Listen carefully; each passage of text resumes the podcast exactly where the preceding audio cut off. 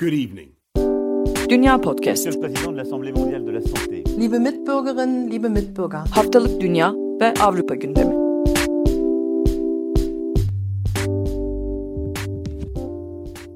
Herkese merhaba, Dünya Podcast'a hoş geldiniz. Ben Akın Art, Nida Dinçtürk ve Seda Karatabanoğlu ile birlikte bu hafta da sizler için Almanya, Fransa ve İngiltere'nin gündemini değerlendireceğiz. Almanya'nın gündemiyle ben başlayayım. Almanya'da eyalet başkanları ve Başbakan Merkel arasında yapılan toplantı sonucunda çarşamba günü önlemler 7 Mart'a kadar uzatıldı. Okulların açılması eyaletlerin kararına bırakıldı. Eyaletler kendileri karar verecek okulların açılıp açılmayacağına. Diğer önlemler aynı şekilde sürdürülecek tek bir istisnayla kuaförlerin açılmasına izin vermiş oldu eyaletler bu toplantıda alınan karar sonrasında. Daha önce önlemleri ve önlemlerin niteliğini uzun uzun konuşmuştuk. Gerçekten bazen Almanya'daki öncelik sıralamasını anlamak biraz güç olabiliyor yani. Kuaförlerin belli bir metrekareye sahip dükkanlardan nasıl bir farkı var veya nasıl bir aciliyeti var? Yani benim açımdan en azından anlaması bir miktar zor. Karar belli tepkilere de neden oldu. Hem işçi ve işveren kurumlarının bir kısmından yoğun eleştiriler aldı. Hem de Yeşiller ve Sol Parti başta olmak üzere muhalefet partilerinden eleştiri aldı. Eleştiri yapanlar hükümeti bir normalleşme stratejisi olmaması sebebiyle eleştiriyor. Bu gerçekten uzun süredir bizim de konuştuğumuz bir şey. Yani ortada bir strateji varmış gibi çok fazla durmadığını söylüyordu. Tek iyi sayılabilecek haber yine geçen hafta Telegram kanalımızda da paylaştık diye hatırlıyorum bu gelişmeyi. Almanya aşı konusunda bir miktar daha önünü görmeye başladı. Yeni teslimatlarla birlikte gerçekleşip gerçekleşmeyeceği ayrı bir mesele olmakla birlikte Mayıs ayından itibaren haftada yaklaşık 3 milyon aşı yapabilme kapasitesine ulaşmayı düşünüyorlar. Oldukça ciddi bir rakam ama gerçekçi mi olacak mı olmayacak mı bunu zamanı geldiğinde göreceğiz. Bence bu haftanın en ilginç gündemiyle devam etmek istiyorum. Almanya'da ekosisteminde genel olarak korunmasını amaçlayan, bu doğrultuda böcekleri korumayı e, hedefleyen bir kanun çıkarıldı. Bu kanun Sosyal Demokrat Parti'nin gündeminde olan bir kanundu. Uzun süredir hükümette bu konuda pazarlıklar yapılıyordu. Ee, Çevre Bakanı Svenja Schulze ve Tarım Bakanı Julia Kökna, SDO'lu Nökna, pazarlıkların sonucunu mutlu sonla sonlandırdılar ve bir anlaşmaya vardılar. Şimdi bunu şöyle okumak mümkün bir yandan. SPD biliyorsunuz geleneksel olarak aslında Almanya'nın çoğunlukla ikinci partisidir. Zaman zaman iktidar olduğu da olmuştur. Fakat bir süredir Yeşillerin bu konumu aldığını görüyorduk. Belki Yeşillere oy veren seçmene seçim arifesindeyken bir tür göz kırpma olarak da anlaşılabilir. Yani iktidarlarının son yılında bu politika geçirmek için özel bir çaba sarf etmiş olmaları. Bu politika sonucunda ne olacak? Ee, nasıl önlemler gelecek? Onları kısaca aktarayım. Pestisit kullanımının önce sınırlandırılması, 2023'te ise tamamen durdurulması isteniyormuş. Herbisit ve böcek ilaçlarının kullanımının önceden belirlenen koruma alanın alanlarında kullanılması tamamen yasaklanacakmış. Böceklere zarar veren ışıklandırma sistemleri hem sokaklarda hem parklarda vesaire kısıtlanacak. Yani işte böceklerin dikkatini çekerek ölmesine sebep olan ışıklandırma sistemleri yerine daha doğal ışıklandırma yöntemlerinin kullanılması veya ışıklandırma sistemlerinin etrafının belki böceklerin korunması adına bir şeylerle çevrilmesi düşünülüyormuş. Şehirlerdeki doğal yeşil alanları da desteklemeyi düşünüyorlarmış. Şimdi şöyle bir durum var bir yandan. Bu ol, olumlu bir olay olarak herhalde çoğunuzun karşılayacağı bir şeydir. Benim de şahsen öyle. Fakat bunun elbette belli başlı ekonomik sonuçları da olacak. En büyük ekonomik sonuç da çiftçiler üzerinde belli olacak. Almanya Çiftçiler Birliği Joachim Ruckwied, Alman hükümetinin yasaklarla böcekleri korumaya çalışmasını tamamen yanlış, hatta tehlikeli bir karar olduğunu söylemiş. Hem maliyetleri arttıracağını söylemiş, üretici açısından bu durumun, hem de tarım alanlarını daraltacağını söylemiş. Şimdi bu elbette kaçınılmaz bir sonuç. Hükümetin çiftçilerin bu konuda mağdur olmaması konusunda aldığı bir önlem var mı? Bir destek veya teşvik paketi var mı? Belli dönüşümlerin tarım alanında yapılması için diye baktım.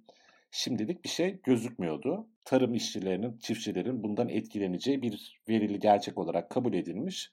Fakat buna değeceği gibi yorumlar yapılmış öncelik sıralamasında. Doğçe Welle Türkçe'de bununla ilgili bir röportaj gördüm. Ya belli şeyler çeviride kaybolmuşsa bilmiyorum. Fakat olduğu gibi okumaya çalışacağım. Eğer bunu demişse gerçekten çok ilginç ve Almanya siyasetine dair birkaç şey daha eklemeye çalışacağım bununla ilgili.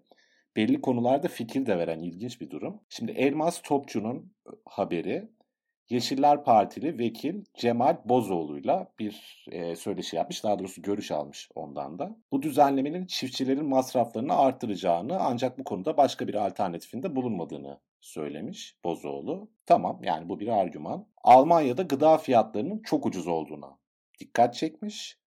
E, ucuz et, süt, patates veya yiyecek anlayışından vazgeçilmesi gerektiğini, aksi takdirde doğadaki canlıları ve rezervleri insanların kendi eliyle yok edeceğini söylemiş ve artık yaşam tarzının değişmesi şart ifadesini kullanmış. Şimdi ben bunu hem iktisat mantığı açısından anlamakta hem sosyal devlet mantığı açısından anlamakta biraz zorlandım da sizin de fikrinizi merak ettim. Yani ilginç bir açıklama çünkü. Ne düşünüyorsunuz bu açıklama ile ilgili? Var mıdır bir yorumunuz? Yani ucuz sebze, et, süt tüketilmeye son verilmesi gerektiği cümlesinden Almanya bizi kıskanıyor anlıyorum. evet güzel yerinde bir yorum bence de.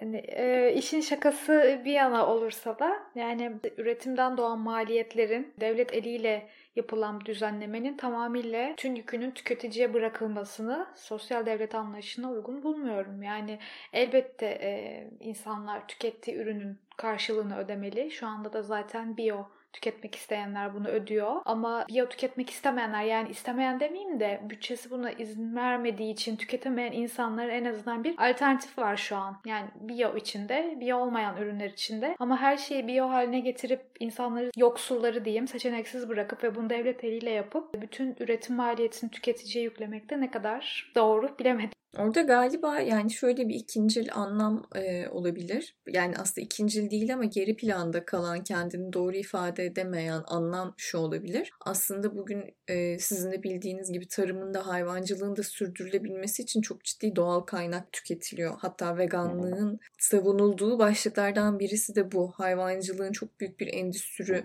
ye dönüşmüş olması, çok ciddi fabrikasyona dönüşmüş olması. Aslında burada biraz ucuz üretim, ucuz tüketim e, derken bunu kastediyor olabilirler belki de. Ama dediğim gibi bu çok dolaylı bir aktarım yani haliyle ifadeyi sorunlu kılan bence bu dolay diye düşünüyorum. Kesinlikle. Bir de tamamıyla e, endüstriyel hayvancılığı yok etmeden organik sebze meyve üretiminden doğan maliyeti tüketiciye yüklemenin anlamsız olduğunu düşünüyorum. Yoksa elbette sınırlı kaynaklar var ve son dönemde bir kaynak krizi var ve bunu sürekli e, okuyoruz, dinliyoruz. Ve biz de hani e, bundan doğan sonuçları burada aktarmaya çalışıyoruz haber olarak ama ya bir üretim maliyetinin direkt tüketiciye yüklenmesi anlamı çıkıyor bu cümleden ki akında belki çeviriden doğan bir yanlışlık olabilir de buna dair dedim. Yoksa yine gezegen umurumda değil ben ucuz yemek istiyorum tarafında değilim. Yani bir de oraya gelene kadar devletin bence alabileceği daha mantıklı ve öncelikli önlemler var. Birincisi Avrupa'nın tamamında bütün sebze ve meyveler plastik paketlerle satılıyor ve uzun süredir bu tartışma konusu. Pipet yasaklamak bana biraz romantik geliyor. Pipetle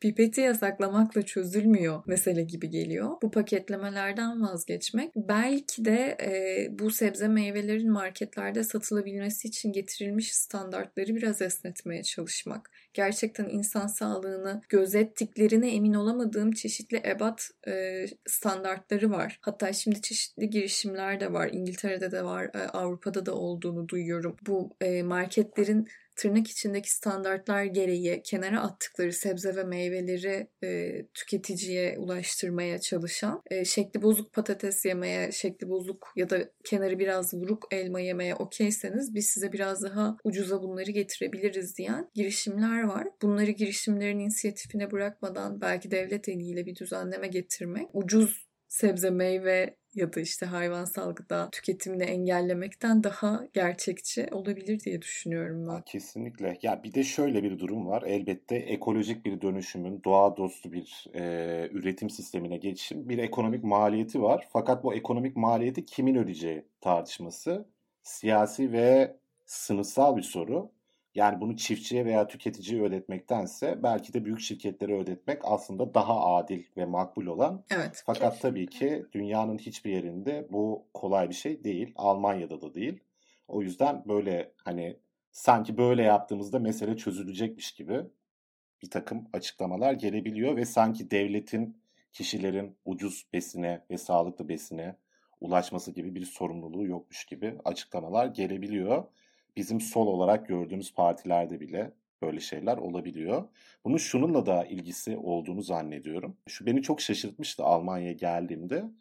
Ya eylemler oluyor, belli şeyler protesto ediliyor. Fakat protesto edilen şeyler %90 mülteci meselesiyle alakalı veya işte belli ırkçı düzenlemelerle alakalı. Yani göç edenlerin, göçmenlik background'ı olanların sorunlarıyla alakalı. Bu elbette olsun. Oldukça da önemli ve güzel bir şey bunun gündem olabilmesi ama ya bu ülkede ekonomik hiçbir sıkıntı yok mu acaba? Yani hiç ne bileyim sosyal politikalarla ilgili eylem ben niye görmüyorum falan filan diye merak ederdim. Birkaç hafta önce bir Alman arkadaşımla konuşuyorduk işte ona söyledim aynı şeyi falan sağcılar yapıyor böyle eylemleri yapılması gerektiğinde. O da garip bir senaryo yaratıyor falan demiştim. O da bunun biraz Doğu Almanya travmasıyla alakalı olabileceği yorumunu yapmıştı. Bana da mantıklı gelmişti. Yani ekonomik talepler öne sürdüğünüzde bu sizi Doğu Almanya savunucusu gibi gösterebilir diye düşünüyor olabilir insanlar dedi. Doğu Almanya savunmak da zaten hani günahların en büyüğü gibi varsayıldığı için burada muhalif siyasetin üzerinde belki de böyle bir kültürel travma baskısı da olabilir gibi geliyor. Onu da söylemiş olayım. Sistemin geliştirdiği çok çok güzel bir frenleme metodu Kesinlikle olmuş. kesinlikle ve yani bu travmalar bilmem neler üzerinden tamam anlaşılabilir şeyler de bir yerden sonra bunların bir manası yok yani. Almanya'da da yoksul insanlar var. Yani Türkiye'deki durumla kıyaslanamaz belki ama Avrupa standardı açısından düşündüğümüzde daha yoksul insanlar var. Bunların belli talepleri olabilir, sosyal yardım talepleri olabilir vesaire. Bunlarla ilgili kentsel dönüşüm bu arada bunun bir istisnası. Ama bunun istisna olmasının sebebi de kentsel dönüşümün göçmen mahallelerinde gerçekleşmesi olabilir diye düşünüyorum. Ben oralarda da oluyor çünkü eylemler. Neyse böyle bir durum. Çok uzatıp konuyu dağıtmadan öbür gündeme geçeyim ben. Bunu da Telegram kanalında paylaşmıştık diye hatırlıyorum. Alman haber ajansı DPA'nın haberine göre en az 9 eyalette aşı sırası kuralları ihmal edilmiş. Bildiğiniz gibi şu an 80 yaş yanlış hatırlamıyorsam üzerine ve sağlık çalışanlarına yapılıyor aşılama. Bununla ilgili şöyle bir bahane öne sürülmüş. Bu yolsuzluğun veya işte ihlalin nasıl tanımlarsanız yapıldığı yerlerde. BioNTech aşısı eksi 70 derecede saklanıyormuş. Seyreltmek için çıkarıldıktan birkaç saat sonra da tüketilmesi gerekiyormuş. Aşı randevularını iptal edenler olunca zaman zaman aşı dozları artıyormuş. Artan aşıların nasıl kullanılacağını düzenleyen bir şey olmadığı için de bununla ilgili ihlaller yaşanıyormuş. Yani bu açıklama bana çok makul gelmedi açıkçası. Çünkü bir yandan işte ne bileyim yerel politikacıların vesairenin de bu ihlallerden yararlandığı söylenmiş. Bu biraz ilginç bir durum yani hani bir de nasıl düzenlendiği de çok canlanmıyor kafamda. Yani işin teknik sürecine hakim olmadığım için belki ama buna siyasetten de çok fazla tepki gelmiş. Bu tepkiler doğrultusunda da Jens Spahn, Sağlık Bakanı bir takım düzenlemelerin bu konuda yakın zamanda yapılacağını söylemiş. Almanya'nın gündemi kısaca böyleydi. Ben sözü Fransa'ya ve Seda'ya bırakayım. Orasının da oldukça hareketli bir gündemi oldu bu hafta bildiğim kadarıyla. Evet, yani Fransa her zamanki gibi e, formunu korudu e, bu haftada, geride bıraktığımız hafta. Tabii ki öncelikle Covid gündemiyle e, başlayacağım. Bugün 14 Şubat, e, dün e, 13 Şubat'ın rakamları e, açıklanmıştı ve günlük vaka sayısı yani 24 saatte tespit edilen vaka sayısı 21.231'di ve dün e, 199 kişi hayatını kaybetti. Toplamda Fransa'da 3,5 milyon kişi enfekte oldu ve ölümler 82 bine yaklaştı. Düzenli dinleyicilerimiz hatırlayacaktır e, bu Ekim, Kasım ve Aralık ayına dair 3 aşamalı bir açılma e, planı vardı Fransa'nın ve hedeflenen günlük vaka sayısı 5000'di. Bu sayıya ulaşıldığında e, tırnak içinde normal yaşama dönebileceğimiz söyleniyordu.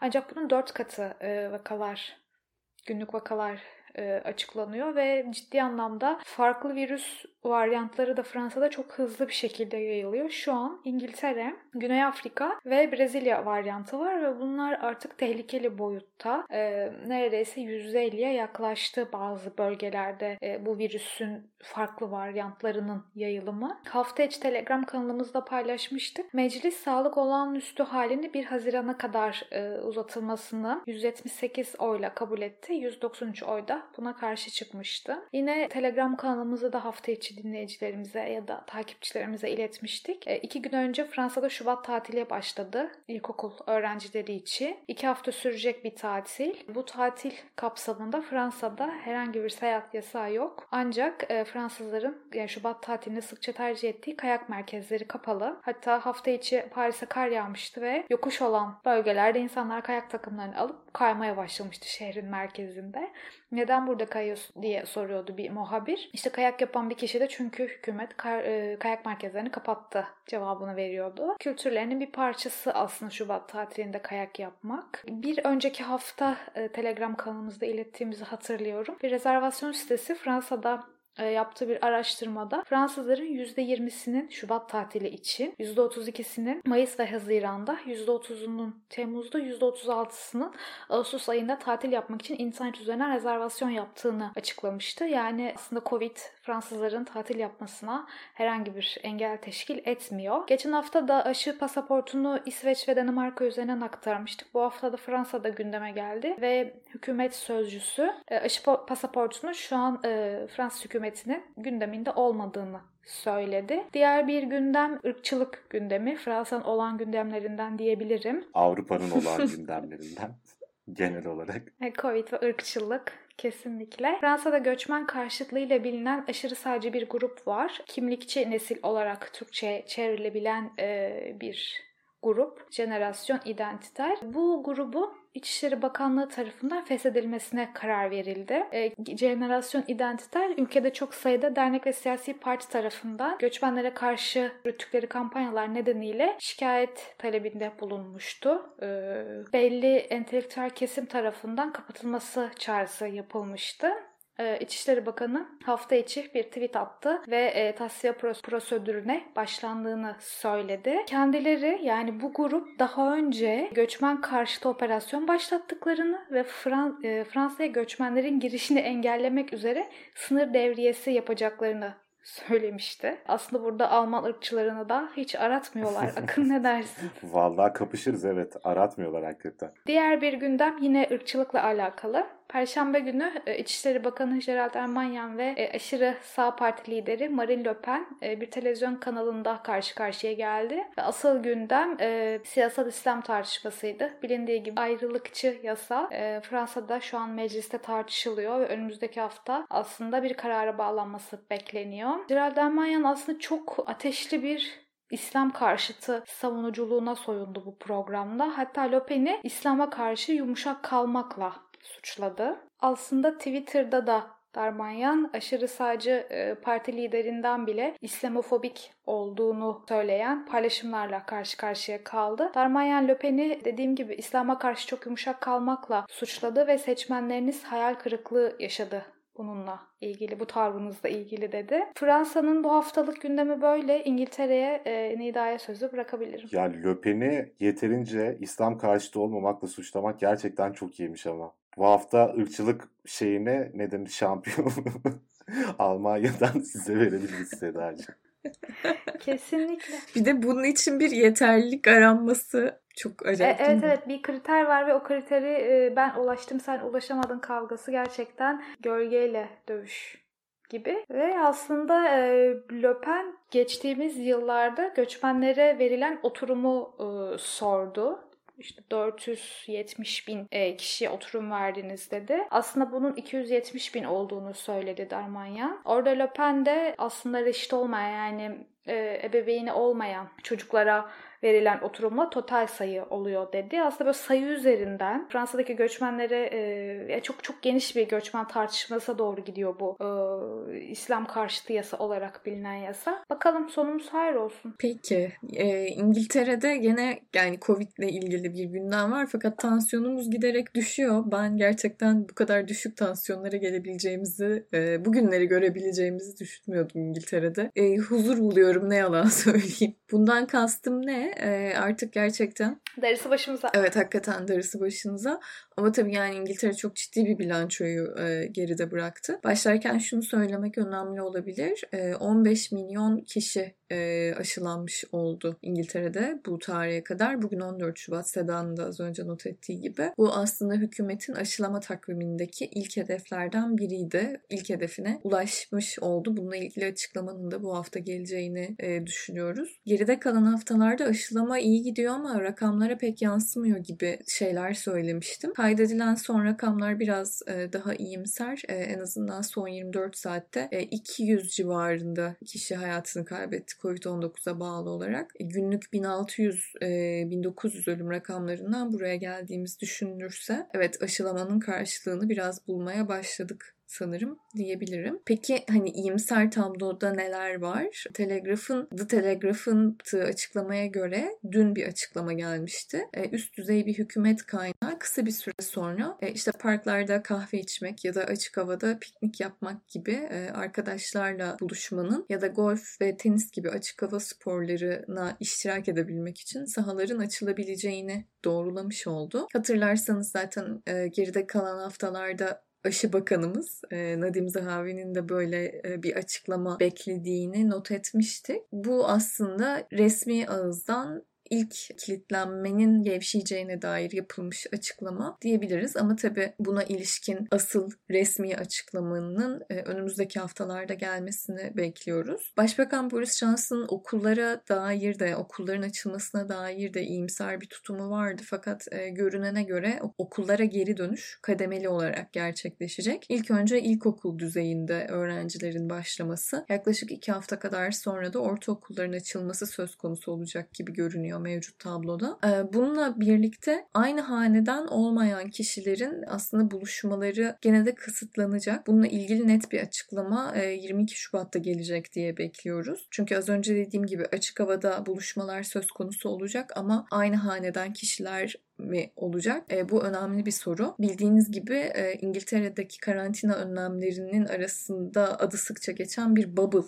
uygulaması vardı. Aynı haneye ait kişilerin e, bir arada olması, e, dışarıda vakit geçirmesi, tırnak içinde aynı masada oturup yemek yemesi gibi kuralları kapsıyordu. E, bu da aslında ikinci ulusal karantinaya girmeden önce mekanlar açılmıştı İngiltere'de. Aynı bubble'dan olan kişiler dışarıdaki masalarda buluşabiliyor. Fakat kapalı mekanlara geçemiyorlardı. Böyle bir ikili e, uygulama söz konusuydu. Mart ayında beklenen e, açılışta bu uygulama nasıl gerçekleşecek bunu göreceğiz. Ayrıca bakanlar Nisan ayının ilk hafta sonundan itibaren barların yeniden açılmasına izin verilmesini beklediklerini söylüyorlar. E, bu da en azından açık havada yemek yemek e, ya da bir şeyler içmek mekanlarda oturarak mümkün olabilecek anlamına geliyor. Bildiğiniz gibi Boris Johnson'ın Noel'e dair büyük ümitleri vardı. Noel'de insanların buluşabilmesi için oldukça iyimser bir tablo çizmeye çalıştı fakat koşullar buna izin vermedi. Aynı iyimserlik şu an Paskalya için korunuyor denebilir. Paskalya'da insanların arkadaşlarıyla ve yakınlarıyla birlikte yemek yiyebilmelerinin gerçekleşmesi ümit ediliyor. Tabi bu haberler bugünün gazetelerinde de e, bazı heyecanlı manşetlere e, yol açtı. İşte Final Lockdown ya da Back in the Pub Garden gibi e, başlıklarla çıktı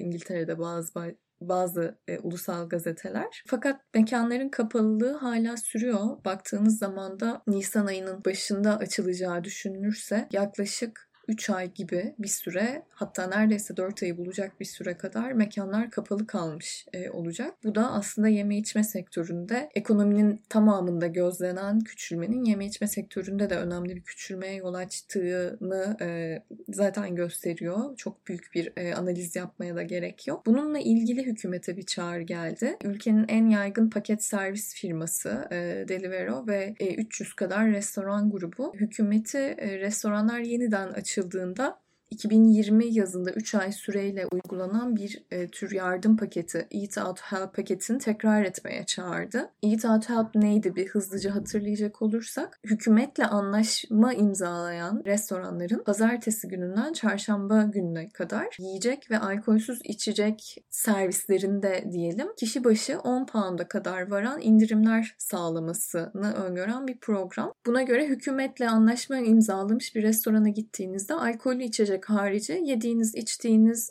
menünün e, diyelim 10 pound'a kadarı hükümet tarafından karşılanıyor ve aslında hesabınızın yarısını ödeyerek kalkmış oluyorsunuz masadan. Bu e, 2020 yazında 3 ay kadar süreyle uygulanmıştı ve çok e, ilgi görmüştü. Aslında bakarsanız birazcık da bu uygulamanın Ekim ayında yeni bir lockdown gerekliliğini getirdiği e, yönünde de konuşmalar yapıldı. Çünkü o zaman bu kişiler mutlaka mekan dışında açık havada e, yemek yemeliler gibi bir kural yoktu. Tabiri caizse mekanlar tam kapasite çalıştılar.